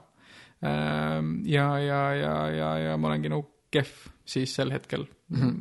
aga ma arvan, et nagu efektiivsuspüüdlus sada protsenti ongi halb. ma arvan, et mhm. see on äh, stressiallikas ise et see nagu koormab sind üle ja sa muretsed selle pärast, et sa a la ei tee piisavalt või ei muretse piisavalt või nii? no just jah, põhimõtteliselt, et, et lõpptulemus on see, et sa teed vähem, sest sa muretsed selle pärast, kui vähe sa teed mm. -hmm. ja siis sa muretsed veel rohkem. Äh, et minu sõnum on see, et ära muretse nii palju selle pärast, kui sa ei tee, see on normaalne, kõik inimesed, äh, Elon Musk vahel lihtsalt viskab diivanile pikali, ei tee mitte midagi mm. -hmm. ja, ja saab investoritelt peksa, saab ajakirjanduselt peksa ja, ja ongi halb päev ja ongi halb. ja siis järgmine päev on parem tunne ja läheb natuke mööda ja aega ja, ja läheb ja teeb ägedaid asju jälle edasi. ja, ja noh sama nagu mina, minu kõige suurem motivaator on teha midagi ägedat jälle. minna mõnele koosolekule, kus räägitakse ägedatest teemadest, võetakse ette äh, uusi arendusi, uusi tegevusi, kutsuda ise kokku selline koosolek, võtta, okei okay, fine äh,, selle asjaga läks halvasti, võtame ette, mis me saame teha, mis me saame paremini teha, mis me teeme järgmisena. et ähm,, et jällegi, jälle täpselt sama sõnum, mis enne, et nagu tegemine on kõige parem äh, vastumürk äh, passiivsusele ja, ja ka motivatsiooni puudusele mis sind veel, kui sa tahad ennast nagu ikka korralikult välja puhata, milline on sinu puhkus, kas sa põgened kuskile paariks nädalaks ära või, või mis on sinu moodus teha nagu sellist noh, täielikku akude laadimist? ma olen hästi halb puhkaja üldiselt, aga mõnikord on mul õnnestunud see hästi ja need mõned korrad, ma pean tunnistama, on olnud kõige labasemad üldse, need on olnud sellised, et ma ei ole läinud kuhugi, ma olen võtnud puhkuse, olen istunud kodus. esimesed paar päeva ei ole teinud midagi asjalikku olen, äh, või noh, midagi üldse nagu ma olen mingi maganud, Facebooki scroll inud äh,, Xbox'i peal mänginud. Ja siis ühel hetkel viskab see üle, ei viitsi enam. Ja siis et see, see peabki nagu saama, kuni see saab ammendatud, et selle just, just, just, et sul on nagu niisugune nagu stress sellest, et sa ei saa teha neid asju nagu, ei saa vabalt võtta nagu, siis saab sellest stressist välja, siis ma hakkan lugema loen midagi põnevat äh, ja siis ma hakkan, äh, noh, mingid raamatud näiteks, mis tundub kuidagi huvitavam äh, ja, ja, ja, ja samm-sammult. Kõige paremad puhkused on need, kus poole puhkuse pealt hakkan ette võtma tööasju. hakkan ette mõtlema, ah, tegelikult peaks mõtlema nagu strateegiat uuesti läbi nagu. Ja, ja siis ma olen võtnud mingi paberilehed ette ja vaikselt hakanud skitseerima neid asju, aga niisuguse pingevabalt, ma tean, et ma ei pea. sul ei ole nagu tähtaeg ees, aga sa tunned, et kui ma sain selle piisava puhkuse sutsu kätte ja mul on piisavalt ajavaru, siis ma ja ma tunnen, et mul on nagu selline loominguline valmidus olemas. just, just, ja siis selle nii-öelda, kus nagu sellist punnitamist ei ole, siis tuleb hästi vabalt. Äh, ja siis ma natuke mõtlen strateegiat ja siis puhkuse lõpuks ma olen selle nagu strateegia innu pealt nagu võtnud ette kõik nagu suuremad tegemata asjad, mis mul on olnud enne puhkusele minekut, teinud need ära kiiresti kõik. Äh, ja, ja lükkan käima uusi asju juba ja selleks, et kui ma puhkuselt tagasi tulen, siis juba kõik nagu töötab uuesti. ja ma tunnen ennast nagu hästi ja värskelt ja tunnen, asjad nagu lähevad nii, nagu ma tahaks, et nad lähevad ma tahan siia selle kohe puhkuse teema järele küsida ühe sellise eluloomingu võtmeküsimuse, eh, et eh, mille poolest sa tahaksid meelde jääda inimestele? kas siis mingi kindlate saavutuste poolest või, või selle olemuse poolest, kelleks sa oled saanud või mõlema poolest, et mis võiks need asjad olla, kui ühel päeval a la sa lähed pensionile või, või teise valdkonda, siis mis sellest kõigest, mida sa teinud oled, peaks alles jääma? see on väga hea küsimus. see on raske küsimus mm,. Alles võiks jääda sellised organisatsioonid, mis toimivad jätkusuutlikult. see on see, mis ma praktiliselt tahan, et alles jääks mm. -hmm. ja need organisatsioonid muidugi võiksid olla ühiskondliku mõjuga, mis on positiivne, mis võimustaks inimesi lahendama inimkonna ees seisvaid probleeme nagu koloniseerimine, kosmose koloniseerimine ja, ja, ja demokraatia toimimas hoidmine tehnoloogia arengu kontekstis ja niimoodi edasi mm. -hmm. päris suured erinevad tükid niimoodi? no ütleme, mina ilmtingimata ei taha ise tegeleda kõigi nende tükkidega, mida ma tahan, on see, et äh, aidata kaasa sellele, et oleks inimesi ja organisatsioone, kes suudavad lahendada neid probleeme mm. -hmm. ja ma tahan anda oma panuse sellesse, et nii oleks ähm,. aga, aga teistpidi selle küsimuse peale, et noh, et kuidagi nagu üldse, et noh, et see põhimõtteline küsimus siin oli, et need tuntud inimeste seas või ütleme, mille, mille järgi inimesed teavad, on ju. Mhm. et ma ma olen tihti mõelnud selle peale, et kas üldse on vaja olla tuntud jõudnud sinna, et äh, sotsiaalmeedia maailmas tuntus, ütleme siis nagu äh, näiteks ütleme puhtalt see, et, et Facebooki midagi postitades, et see, et see, et see jõuab mingi hulga inimesteni mm. -hmm. et, et see on osa nagu niisugust fundamentaalsest võimekusest midagi teha ühiskonnas. ja, äh, ja, ja selles kontekstis olen pidanud valima, et noh, mida siis teha selles kontekstis, noh, kuidas siis, mida öelda niimoodi, et, et inimesed näeks seda, mida ma ütlen. ja ma olen valinud sellise nagu kompromisstee populaarsuse ja, ja, ja sisu vahel niimoodi, et äh, ma püüan teha niimoodi, et asjad, mis ma ütlen ja teen, on sisukad äh,. ja ma püüan neid sisukaid asju pigem teha niimoodi, et nad oleksid arusaadavad ja selle võrra saaksid olla nii-öelda populaarsemad, kuivõrd teha populaarseid asju niimoodi, et nagu põimida sinna juurde natuke midagi sisukat mm. -hmm. et äh, ja, ja selle, see kindlasti on nagu selles mõttes niisugune nagu kallis strateegia selles mõttes, et äh, et, et see vähendab potentsiaali levida, see vähendab potentsiaali mm, nagu edukalt äh, suurendada oma nagu mis iganes häälekõla nii-öelda äh, avalikus ruumis, aga mulle tundub, et pikas perspektiivis see on nagu õigem ja niimoodi nagu pärast on rahulikum magada. ja noh, pensionile minna, kuigi ma ei plaani pensionile minna Never.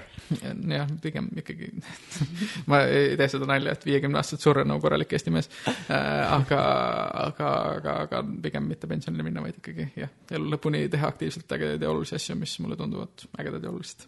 aga kuhu sa praegu liikumas oled või, või mis sinu jaoks võivad need järgmised asjad olla, kuhu sa oled püüdlemas, mis sinu jaoks on järgmine põnev selline asi, et nüüd üliõpilasesinduse asi, mille sa hiljuti võtsid just sellena, et ennast ka natuke veel jälle järjekordsest mugavustsoonist välja kiskuda et see, see tsükkel on noh, kõige aktiivsema rollina läbi, mis sinu mhm. jaoks see järgmine väljakutse või, või, või enda, enda katsetamine, proovilepanek on?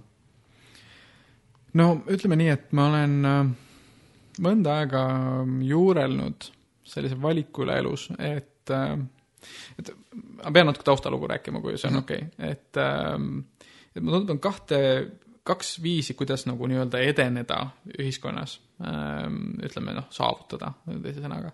üks on see, et ähm, sa lähed kuhugi, mingisse organisatsiooni või, või tegevusse, mis on äh, kõrgema tasemega kui see eelmine, kus olid mm. -hmm. et organisatsiooni mõju siis või? noh, ütleme, on suurema mõjuga või, või nähtavam või suurem või kuidagi mm, -hmm. ma ei tea, majanduslikus mõttes, ma ei tea, suurema käibega, suurema turuosaga. et noh, ma ei tea, ma algul olen väike, väiksemas ettevõttes, lähen ja. suuremasse, lähen lõpuks olen nagu kõige suurema, kõige suurema turuosaga ettevõtte, ettevõttes. Äh, ja siis lähen äh, ja et noh, et ma töötan ennast üles selle jaoks, et minna järgmisse organisatsiooni, mis on veel suurem ja siis selleks, et seal töötan selle nimel, et olla, paista silma ja selleks, et saada veel suuremasse, veel mõjusamasse, veel paremasse kohta nii-öelda. nagu selline karjääriredel. jah, ja minu meelest on nagu alternatiivne mudel on see, et sa lähed vastupidi, sa lähed alati kohtadesse, mis on väiksed või noh, mingis mõttes, mis vajavad, mis ei ole suuremad kui eelmine mm, -hmm. vaid mille võib-olla pigem vastupidi, mille väljakutse on suurem kui eelmine mm. -hmm. ja kus sinu panus on see, et sa teed selle asja suuremaks mm. -hmm ja siis, kui sa oled teinud selle asja suuremaks, siis lähed järgmisse kohta, mis on väike ja teed selle asja suuremaks. Mm.. Um, see on nagu ärimaailmas on see sinise ookeani strateegia, et sa lähed sinna, kus ei ole nii-öelda turg väga üleküljastunud mõnes mõttes, et seal sul on äh, potentsiaal teha sellist äh, kõige suuremat, vähemalt protsentuaalset hüpet. No põhimõtteliselt küll, aga noh, ütleme isegi noh, ütleme kolmanda sektori kontekstis, et selle asemel, et minna kõige suuremasse MTÜ-sse tööle, selle asemel sa võtad väikse MTÜ, teed tast suure MTÜ mm -hmm. teed tast mõjusa MTÜ. ja siis ei lähe mitte sellest suuremasse MTÜ-sse tööle, vaid lähed jälle uude teise valdkonna väiksesse MTÜ-sse tööle. ja, ja noh, jah, seal võib tuua selle analoogia tõesti, et seal, et sellise strateegia puhul on see, et sa tead, et see, et kui sina teed, siis on, siis muutuvad asjad ja kui sina ei tee, siis keegi teine ei tee seda selle esimese strateegia karjäärimudeliga sa tead, et seal on konkurents ju. või noh, ütleme mm, -hmm. mida konkurents tähendab, on see, et kui sina ei saa, siis saab keegi teine, keegi teine teeb sama asja mm. -hmm. noh, keegi keegi iga, teeb ikkagi ära. jah, keegi ikka igal juhul juhib SEB-d. kui nüüd pankrotti läheb näiteks või noh, loodetavasti ei lähe, on ju, aga Aha. ütleme, et et, et kui sa lähed, kui sa lähed nagu ma ei tea, väiksest pangast keskmisse panka, suurde panka, siis see, kas sa teed sina seda tööd või keegi teine, seal võib olla mingi vahe, sa võid Aha. olla parem kui teised, aga sa ei ja. ole nagu, nagu radikaalselt parem kui teised ilmtingimata ja lõputult mm -hmm. parem ja su vahe saab olema, ma ei tea, sa oled nagu viiskümmend protsenti parem, kui sa oled nagu väga hea. aga siis, kui sa, kui sa lood täiesti uue, ma ei tea, ühisrahastusplatvormi, siis sa oled miljon korda parem kui alternatiiv. sest et kõik, mis, noh, ütleme, kui sa oled Henri Laupmaa ja sa lood hooandja noh, üksi, aga, aga noh, ütleme üks hooaja loojast, on ju, et, et siis sinu mõju on üüratult palju suurem sellele maailmale mm. -hmm. kui Henri Laupmaa oleks läinud lihtsalt tööle, ma ei tea, Swedbanki IT, IT-osakonna juhiks lihtsalt mm. -hmm. Ähm, et otsi nagu seda võimalust, kus sa saad luua midagi võimsamat äh,, mitte midagi sellist, mille suudaks keegi teine ka kenasti käigus hoida või natuke edasi sikutada. no põhimõtteliselt jah, ja noh uh -huh., selles samas nii-öelda kontekstis, kui nüüd see kontekst on taustal siin, siis mina olen äh, võtnud ette selle, et teha Toomusest äh, globaalne organisatsioon, äh, Toomuste patendidest ja minu eesmärk on see, et Teede Akadeemia programm oleks üle maailma, sada programmi, niimoodi, et maailmas ei oleks sellist kohta, kus noor inimene ei saaks minna Teede Akadeemiasse. ja, ja siht sellel omakorda on see, et Teede Akadeemia vilistlased võiksid olla meie tähenduses avatud ühiskonna kaitsjad ehk siis sellised inimesed, kes tegutsevad selle nimel, et ühiskond oleks ähm, põhimõtteliselt võimeline muutuma või kohanduma äh, tehnoloogilistele muutustele äh, niimoodi, et ei lähe katki. Äh, ehk noh, näiteks noh, praegune olukord on ju, et internet ja sotsiaalmeedia, et kuidas kohastuda internetile sotsiaalmeediale niimoodi, et demokraatlikud mehhanismid või, või ajakirjandus ja avalik arutelu ei läheks katki. Ja, ja meie eesmärk on koolitada välja noortest inimestest selliseid nii-öelda avatud ühiskonnakaitsjaid, kes tegelevad selliste ühiskondlike probleemide lahendamisega. ja kui kuulaja on kuulnud seda, et sa, sa ütled selle hästi kiiresti, DD Akadeemia, see on siis DD, äh, kaks nõrka D-d mm -hmm. ja mhm. Akadeemia, kui tahad guugeldada mm -hmm. DD ehk siis nagu Domus Dorpatensis Akadeemia mm, -hmm mitte TED Akadeemia, vaid DD Akadeemia. mis on see, mida DD Akadeemias äh, olete teadlikult tiimiga teistmoodi teinud, võrreldes võib-olla mingit laadi sarnastest teistest koolitusprogrammidest? kas on mingi mõtteviis, mida püüate seal just teistmoodi läheneda? seal on hulk asju, mida me teeme teistmoodi. Äh, me alustasime sellest, et kui me midagi teeme, siis teeme niimoodi, et kõik, kes osalevad, saavad enam-vähem sama palju Mm -hmm. et see on üks niisugune põhimõtteline probleem hästi paljude programmidega, ka ülikoolis ja, ja, ja eriti ka näiteks noorteorganisatsioonidega. et noh, noorteorganisatsiooni loogika on see, et enamasti juhatuses olijad on kõige aktiivsemad, saavad kõige rohkem kogemusi ja, ja võid olla vabalt liige mingis organisatsioonis ja teha sisuliselt mitte midagi. ja et meie esimene siht oli see, et meie programmi, kui inimene tuleb, seda teeb palju ja saab mm -hmm. palju kogemusi, erinevaid kogemusi. see on üks. kaks on see, et äh, mida me võtsime nii-öelda, me saime aru, et meie varasemad tegevused sõltusid koolitajatest mm. -hmm. meie esimene siht oli see, et me ei sõltuks inimestest äh, selle osas, et äh, väli, välistest inimestest selle osas, et kui palju me saame koolitada ja kui hästi me saame koolitada mm. -hmm. me küsisime, mis asi on koolitus. ja jõudsime sinna, et koolitus on mingis mõttes kaks komponenti, et üks on sisu ja teine on läbiviimine ja eraldasime need kaks. Äh, ja ütlesime, et sisu saab olema meil veebi, veebipõhine ja me otsime üle maailma kokku kõige paremad materjalid sisu kohta, mis me suudame leida nendel teemadel, mida me tahame koolitada. ja meetodid on interaktiivsed meetodid, mida, mida me samamoodi otsime üle maailma. Ähm, ja panime siis sisu ja need meetodid kokku üheks aastapikkuseks tasuta programmiks, kus kolmkümmend viis inimest iga aasta läbivad niisuguse neljasaja tunnise intensiivse asja mm, -hmm. kus äh, kõiki neid asju nii-öelda interaktiivseid pooli viivad läbi eelmise aasta vilistlased ja, ja, ja, ja kogu sisu on äh, üle maailma internetist ja see on nagu hästi lahe jah, et kui sa ütlesid, sa ei sõltu koolitajast, siis võib-olla mingi aja see koolitaja on valmis sulle tulema, aga mm -hmm. kui temal on ühel ajal liiga hõivatud asi mm, -hmm. siis sinu programm kannataks selle all, aga kui sa oledki ehitanud selle programmi sellisena üles, et, et sa oled sõltumatu isikutest, indiviididest mm -hmm. ja, ja sul on võimalik äh, seda järjepidevalt üles ehitada, järgmiseks, järgmiseks teha siis äh, see on üks element, millega sa esiteks lood organisatsiooni, mis saab kesta kauem kui sina mm -hmm. ja teiseks, mis on ka skaleeritav, sest äh, Just. kui sa oleks ehitanud selle, ma ei tea, paarile Eesti tippkoolitajale ülesse, siis sa ei saaks seda viia kõigisse nendesse riikidesse, kuhu sa tahaksid viia. Rääk, selline... rääkimata sellest, et isegi Eestis teha jätkusuutlikult seda, et mm -hmm. jah, aga see on see mõte, et oleks skaleeritav päriselt ja ta oleks jätkusuutlik, et ta oleks sõltumata minust ja ühest teisest inimesest. me ei ole täna seal veel, selles mõttes, nagu ma ütlesin ka, et me teeme eksperimenti iga aasta, iga mm, -hmm. iga aasta me teeme seda programmi, me oleme praegu selle konkreetse programmiga läheb kolmas aasta ja, ja, ja iga aasta oleme muutnud, täiendanud, arendanud ja me ei ole nagu saavutanud sada protsenti seda sihti, aga me ei ole ka võtnud seda sihiks, et, et see valmis peaks olema. me oleme mõelnud niimoodi, et kui tehnoloogia valdkonnas on täiesti aktsepteeritav, et niisugune arendusperiood, R&D periood kestab, ma ei tea, kümme-viisteist aastat, enne kui hakatakse tootma mm. -hmm. et siis ühiskond on komplekssem kui tehnoloogia mm, -hmm. mis tähendab, et noh, ühiskonnas see on nagu viiskümmend aastat mm. -hmm. viiskümmend aastat äh, valmistad ette mingisugust ühiskondlikku programmi ja siis realiseerid mm. -hmm. noh, see on natuke lambist on see viiskümmend aastat võetud yeah., aga, aga nagu suurusjärgu mõttes. mis ei tähenda, et me viiskümmend aastat ei tee midagi ja yeah, lihtsalt mõtleme, see tähendab seda, et viiskümmend aastat me katsetame arendame ja, ja see katsetamine, arendamine ise on ka kasulik, me loodame inimestele ja ongi, meie vilistajad niimoodi ütlevad. ja, ja me mõõdame seda ka nii palju, kui me suudame äh,. aga, aga me teame, et me ei ole valmis veel. aga me teame, et me saame saada valmis suures plaanis ja me teame, et, et see on võimalik äh,, aga, aga see ei saa juhtuda nii kiiresti, kui justkui nagu oodatakse niisugustelt asjadelt kes tahab lähemalt uurida, on siis DD Akadeemia on selle nimetus, mida guugeldada ja kas seal on mingid kindlad intervallid, millal inimesi programmi võetakse, mis, mis kuus aastas äh,? iga aasta sügisel, septembris värbame, oktoobrist algab programm pihta. selge, nii et mm -hmm. see podcast elab veel ilmselt mitmeid aastaid, aga et kui sügis on tulemas, siis, siis piilused lähemalt mm. -hmm. kaks eluloomingu küsimust veel, Martin, sulle.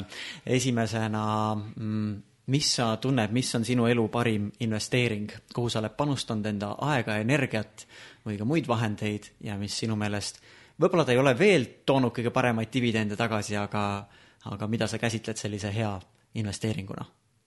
kas ma võin öelda kaks? jaa, loomulikult ehm,. no esimene, ma arvan, kõige parem investeering on teised inimesed et kõik need, kogu see aeg, mis ma olen pannud teiste inimeste arendamisse, on toonud tagasi väga palju rohkem. Tänu sellele, kui ma olen kedagi, kellegi jaoks teinud midagi, mis on talle olnud kasulik, tänu sellele mul on väga palju lihtsam teha järgmine hetk järgmist uut asja, mis on äge.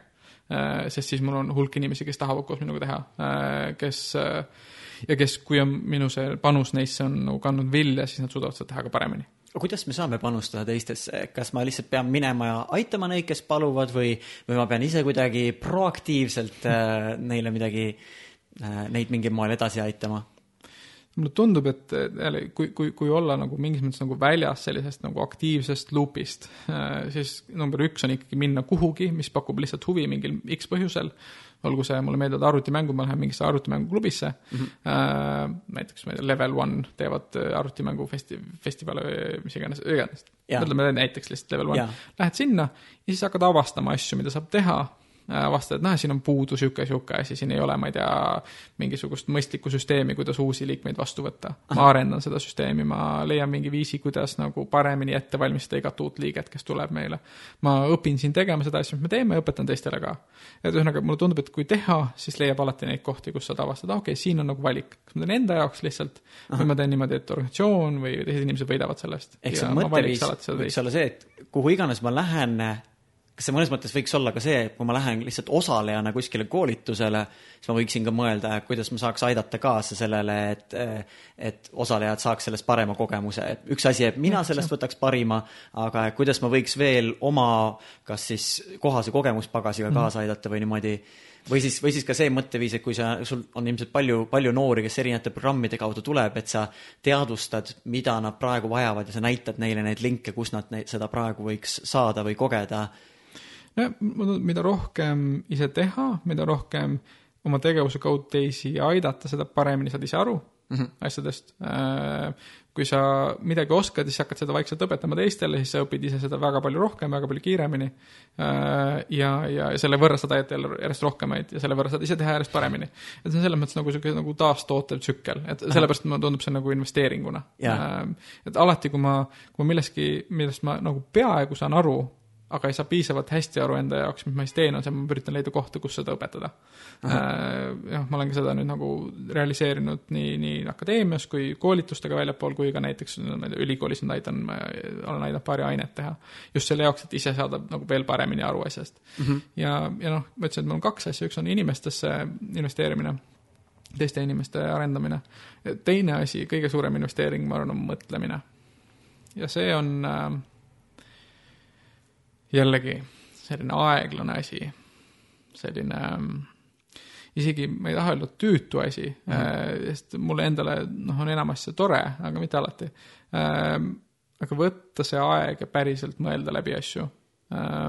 päriselt näiteks ma toon ühe näite, mul oli, ma tahtsin aru saada süsteemiteooriast ja, ja, ja sellest, kuidas süsteemiteooria ja evolutsiooniteooria omavahel võiksid kokku sobida. ja siis äh, läksin nõu küsima, vist ma ei tea, kas ma võin seda öelda, võin ikka vast öelda, Marju Lauristinilt. ja, ja, ja siis ta ütles, et aa, näe, siin on Niklas Luumani raamat, loe see läbi mm. -hmm. ja ma võtsin selle raamatu, raamatukogust võtsin raamatu lahti, ei saanud mitte midagi aru ja uurisin natuke, guugeldasin, et mis see on ja kust see tuleb ja mida ma tegema peaks nüüd. ja sain aru, et aa, okei okay ma pean kogu sotsioloogia enne ära õppima mm. -hmm. või noh, mitte kogu sotsioloogia, ma pean nagu ikka päris nagu korralikult nagu enne nagu tegema selgeks endale sotsioloogia selleks, et jõuda sinna. ja, ja siis ma olengi seda teinud äh,, kaks aastat äh, olen, läksin, võtsin e-, Courserast baaskursusi, võtsin äh, mingid raamatud ette, lugesin neid läbi, andsin õppeaineid sel teemal tegin neid endale selgeks ja samm-sammult ja nüüd täna ma olen seal, kus kui ma võtan selle raamatu lahti, ma saan aru, mis ta kirjutab noh, enam-vähem, ta kirjutab keeruliselt, nii et ma päris aru saan, see on omaette küsimus ühesõnaga, võtta aega, et saada aru asjadest, mis on keerulised, sest et, et kiirustamine ei vii lõpuks kuhugi.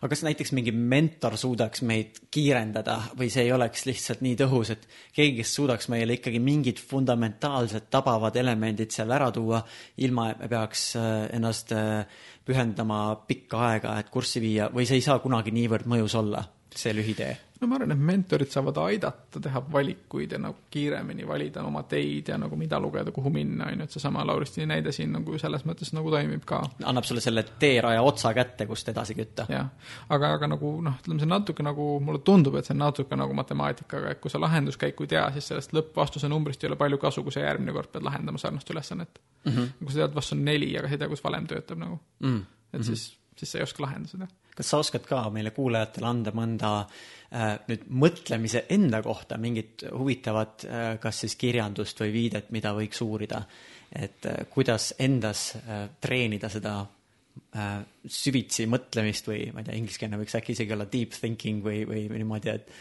et äh, aduda ei ma vastan tihti ei, siin tuleb välja. Ehm, ma arvan, et, et sellist nagu kuldvõtit ei ole olemas mm,. sest et inimesed mõtlevad mingil määral erinevalt, mitte lõputult tõenäoliselt, aga piisavalt.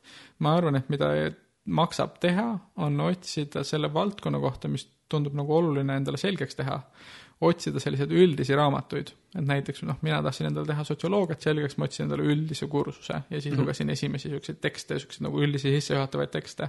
ja leida see, mis nagu käima läheb. ja, ja võib ka küsida võib-olla selle valdkonna vingelt tegijalt, et kui Marju Lauristin sinu jaoks oli omas valdkonnas nagu eeskujuks mm, -hmm. siis äh, sa ei, sa ei nõudnud tal pikka aega, mida sinule pühenduda, aga et annaks sulle mingi niidiotsa kätte. et võib-olla see, see mõte ongi kuulajale, et äh, leia see, kes selles sinu valdkonnas on vägev tegija see ei võta palju tema aega, aga temalt küsida, et mis võiks need niidioksad, otsad olla, mis aitab sellesse valdkonda sukelduda. jah, see võib olla, see võib ka olla hästi nagu ohtlik selles mõttes, et see, see inimene võis sattuda sinna viisil, mis sulle üldse ei sobi mm.. ja siis ta -hmm. annab sulle oma viisi ja sa vaatad, see ei sobi ja mõtled, et see valdkond ei sobi sulle mm.. aga tegelikult lihtsalt see viis ei sobinud mm. -hmm. noh, lihtsalt kõige lihtsama näitena nagu mõtled, et ah, kosmosetehnoloogia on väga äge ja, ja Eesti kosmoseettevõte Erika Ilves soovitab, ah, loe eh, kolme keha probleemi, see on hästi äge ulmeraamat, raamat. võtad selle kätte, on nagu, mulle üldse ei meeldi see, järelikult ma ei pea kosmosetöösse minema mm. -hmm, ja tegelikult sa lihtsalt loe Asimovit siis, et Asimov on ka hea, lihtsalt teistsugune. nii et see raamatu mõju sõltub sellest kogu sinu varasemast lugemusest, kogu sinu varasemast kogemusest, et kas sul tekivad need lingid seal ja, ja seetõttu selle raamatu soovitamine ei pruugi üldse mõjuda samamoodi teisele inimesele. Just, et, et ma arvan, maksab küsida ja, ja vabalt võibki, et töötab, võib-olla töötab, aga kui ei tööta, siis igaks juhuks võib-olla küsi teiselt inimeselt ka või lihtsalt pane Google'isse korra nagu see teema ja vaata, mis sealt välja tuleb ja võta esimene neist asjadest lahti loe natuke ja võib-olla töötab väga hästi. finaalküsimus. kui sa saaksid kuskile suurele stendi peale, ma ei tea, kas siiasamasse Tartusse või võib-olla ka teistesse paikadesse üle maailma mingi sõnumi üles sättida, mis võiks inimeste silme ees olla, mida nad võiksid teadvustada ja võib-olla ka mille järgi käituda, mis see oleks? ühe lausega pühendu teistele inimestele ja ühiskonnale. seda nagu pikemalt lahti võttes, mulle tundub, et, mulle ei tundu, ma siin tsiteerin põhimõtteliselt Karl Popperit, et et meil on niisugune natuke niisugune eksiarvamus läinud nagu liikvele ühiskonnas äh, vanadelt äh, Kreeka filosoofidelt, et äh, et individualistlikus ühiskonnas saab olla ainult egoistlik. et altruism ei ole võimalik indivi-, indivi-, individualist-, individualismis. ja, ja ma arvan, et see on üks kõige suuremaid ja nõmedamaid ja negatiivse mõjuga valesid, mis ühiskonnas on. see, kui inimesed mõtlevad, et altruism on lõpuks ikkagi lihtsalt peidetud egoism. et mina ütlen, et see on lõpuks ikkagi mitte eriti peidetud lollus äh,. altruism on olemas, see on väga inimlik ja loomulik on tahta teha head. väga ebainimlik on äh, inimesi, kes tahavad teha head äh,, nimetada egoistideks sellepärast, et on võimalik leida mingi neurokeemiline seos kusagil selle mõnuainega siis, kui sa teed head. jah, muidugi ongi hea tegemine, ongi hea. see ei ole halb, see on inimlik järelikult äh,. kui miski on, tekitab häid tundeid inimeses, kui ta neid teeb, siis see on järelikult inimlik asi, mida teha. ja ja ühesõnaga, mina soovitan inimestel võimalikult palju otsida võimalust, kuidas aidata teisi inimesi, kuidas aidata ühiskonda, kuidas panustada millessegi, mis on endast suurem, endast olulisem. ja see annab vastuseid ja, ja võimalusi nii paljuks muuks. kaotab nii palju ärevust ära elust. oletame, kui meil on nüüd üks passivist, kes suutis kogu selle intervjuu lõpuni kuulata ja, ja ta ikkagi ootab seda viimast lüket või, või, või viimast tõuget, kas sa midagi oskaksid öelda, kui see oleks kasvõi seesama passivist, kes kunagi ühel hetkel sina olid mm, -hmm. mis oleks kasvõi see sõnum sellele noorele sinule endale? no ma ütleks, tee midagi. tee ükskõik mida. selles mõttes nagu tee ja ära arva, et see, mis sulle meeldib, et see on kuidagi nagu mõttetu. et ma arvan, et eh, mis iganes see asi on, mis sulle nagu midagigi korda läheb ja midagi läheb kõigile inimestele korda, siis lihtsalt tee midagi sellega seoses ja sealt hakkavad asjad arenema. Eh, kõige kõige destruktiivsem on, selles mõttes on destruktiivsem on ootamine. et mm, -hmm. et äkki kusagilt, et seesama, mis nagu igalt poolt filmidest ja raamatutest on meile kuidagi nagu ette antud, niisugune uh, hero's journey'ks nimetatakse seda, et, et kusagilt tuleb keegi, kes kutsub sind nagu call to action tuleb. et, et see ei ole reaalne et kui sa kodus diivani peal istud, seda call to action'it ei pruugi tulla et, sul ei tule kirja Hogwartsist äh,, sa, Yoda ei tule su juurde mõtetes ja ei ütle, et äh, Luke äh,, mis iganes äh,, et äh, et see on see osa, mis ei ole tõene, kõik muu on, et kui sa lähed nagu, et kui sa, kui sa iseendast nagu püsti ajad diivanilt ja midagi teha, siis pärast seda lähevad rattad ise tööle. ja vahel lähevad katki ka, aga siis sa juba oskad paremini ennast ka nagu uuesti üles tõsta aitäh sulle, Martin. me olime siis täna külas Martin Noorkõivul ja kui sa tahad täpsemalt lähemalt uurida, ilmselt kindlasti, kui sa oled kuskil tudengi vanuses ja toimetad Tartus, siis mm -hmm. kindlasti vaata Ole rohkem märksõna ja -hmm. TD Akadeemia. ja nagu ma Martini plaanist aru sain, see TD Akadeemia on liikumas üha globaalsemale tasandile, sõltumata sellest, kus riigis sa asud. et eh, see on selline paik, kus kohe minna ja uurida, et eh, vaadata, kus saab juba kaasa lüüa või mingitest tegevustest osa saada, et enda elu käima tõmmata. aitäh sulle, Martin, et jagasid ja eriti aitäh, et sa jagasid ka ausaid vastuseid, mitte ainult ilusaid vastuseid. ma loodan, et see aitab meie kuulajatel luua enda elu. aitäh kutsumast